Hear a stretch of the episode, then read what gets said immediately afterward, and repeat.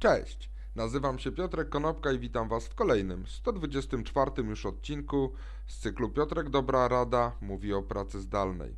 Dzisiaj powiem kilka słów na temat tego, jakie reguły powinny przyświecać każdemu pracownikowi rozpoczynającemu przygodę z pracą zdalną. Inspiracją do powstania tego odcinka była moja wczorajsza rozmowa z koleżanką na temat tego, że pracując w urzędzie, ona właściwie cały czas pracuje stacjonarnie. E, oczywiście pojawiały się pomysły tego, że mogliby pracować zdalnie, jednak urząd w ogóle nie jest gotowy do tego, żeby rozpocząć pracę zdalną i ona jako pracownik tego urzędu też raczej nie czuje się pewna co do tego, czy jej praca dałaby w ogóle radę przenieść do rzeczywistości wirtualnej.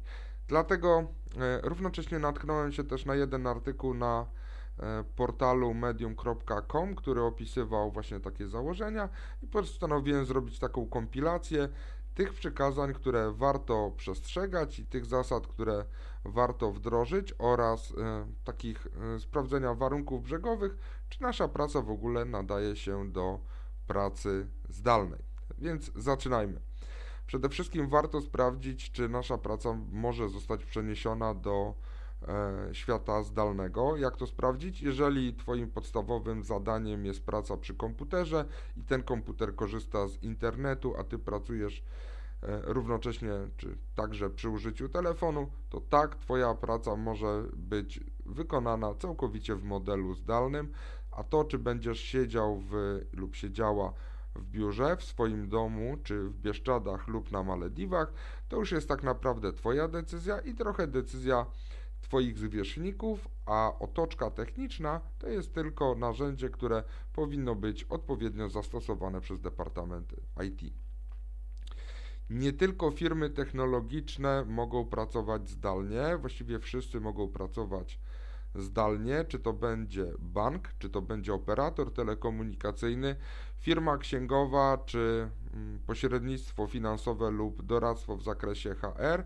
Właściwie każda firma może być przeniesiona zdalnie. Y, patrz punkt pierwszy, pracujesz przy komputerze przez internet, możesz to równie dobrze robić z domu.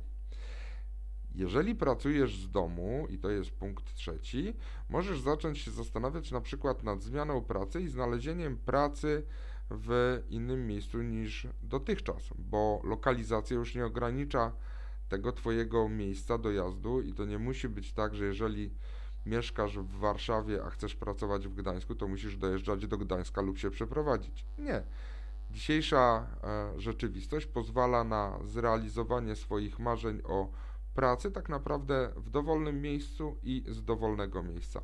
A jeżeli nie wiesz, jak tą pracę zmienić, porozmawiaj z Tomkiem Rudnikiem na, e, z Akademii Rekrutacji, to Tomek pomaga ludziom znajdować nową pracę. Warto, i to jest punkt pierwszy, piąty, warto się zastanowić nad tym, czy Twój pracodawca w ogóle jest fanem telepracy. Znam przykład y, kilku dużych, właściwie bardzo dużych korporacji, zarówno polskich, jak i zagranicznych, gdzie prezesi mówią, że praca zdalna ok, została wdrożona pod przymusem z powodu pandemii, ale jak tylko pandemia się zakończy, to wszyscy pracownicy będą mieli obowiązek wrócić do biura. To wszystko, y, czy ta postawa zależy od tego, jak pracodawca postrzega swoich pracowników i jaka kultura organizacyjna jest wdrożona w firmie. Jeżeli w firmie jest taki model zarządczy e, bardzo w stylu macho, jeżeli pracownicy nie mają autonomii i jeżeli pracodawca nie, od, y, nie obdarza ich zaufaniem, to może się okazać, że pracodawca w długim horyzoncie czasu nie jest w ogóle nastawiony na telepracę. I to może być przeszkoda lub przyczyna tego, że ta telepraca w Twojej akurat firmie nie działa tak jak powinna. Praca w modelu awaryjnym, to jest punkt numer szósty, a praca w modelu zdalnym całkowicie jest Różni się tym, że praca w modelu awaryjnym to pracujesz tam skąd musisz i może nawet musisz ze swojego domu, ale praca w modelu zdalnym to jest tam skąd chcesz.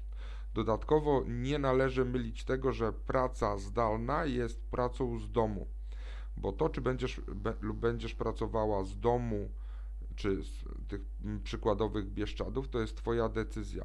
Może być równocześnie tak, że Twoja e, osobowość nomady spowoduje, że będziesz przemieszczał czy przemieszczała się regularnie między miastami i w jednym tygodniu będziesz w Rzeszowie, w drugim we Wrocławiu, w trzecim w Katowicach i z każdego z tych miejsc będziesz y, pracować dla swojego pracodawcy.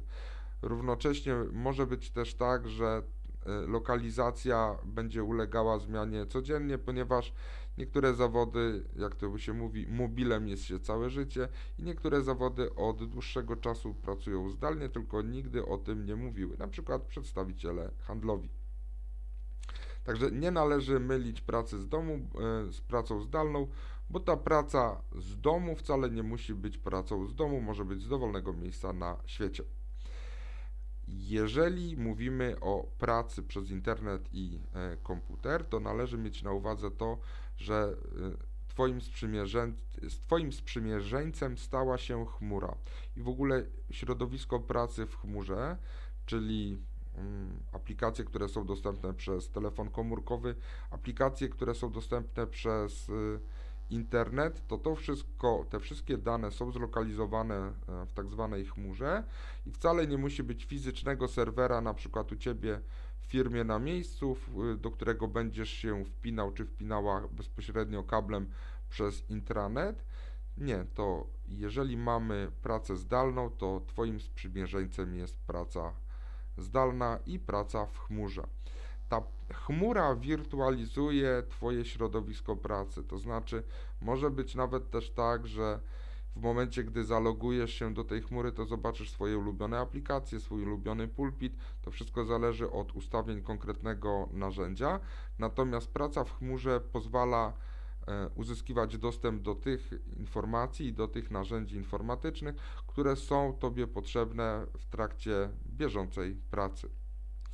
Dodatkowo należy zwrócić uwagę, że poprzez rozwój technologii 4G czy teraz pojawiającej się 5G, hashtag depopulacja, to e, nie potrzebujemy już mieć stałej linii, nie potrzebujemy już mieć e, stałego łącza internetowego, ponieważ te e, narzędzia, które mamy, te źródła transmisji właśnie 4G, LTE mm, czy 5G są y, tak szybkie, że w zupełności i tak stabilne, że w zupełności wystarczają nam do realizowania zadań związanych pracą i wcale nie musimy mieć stałego łącza.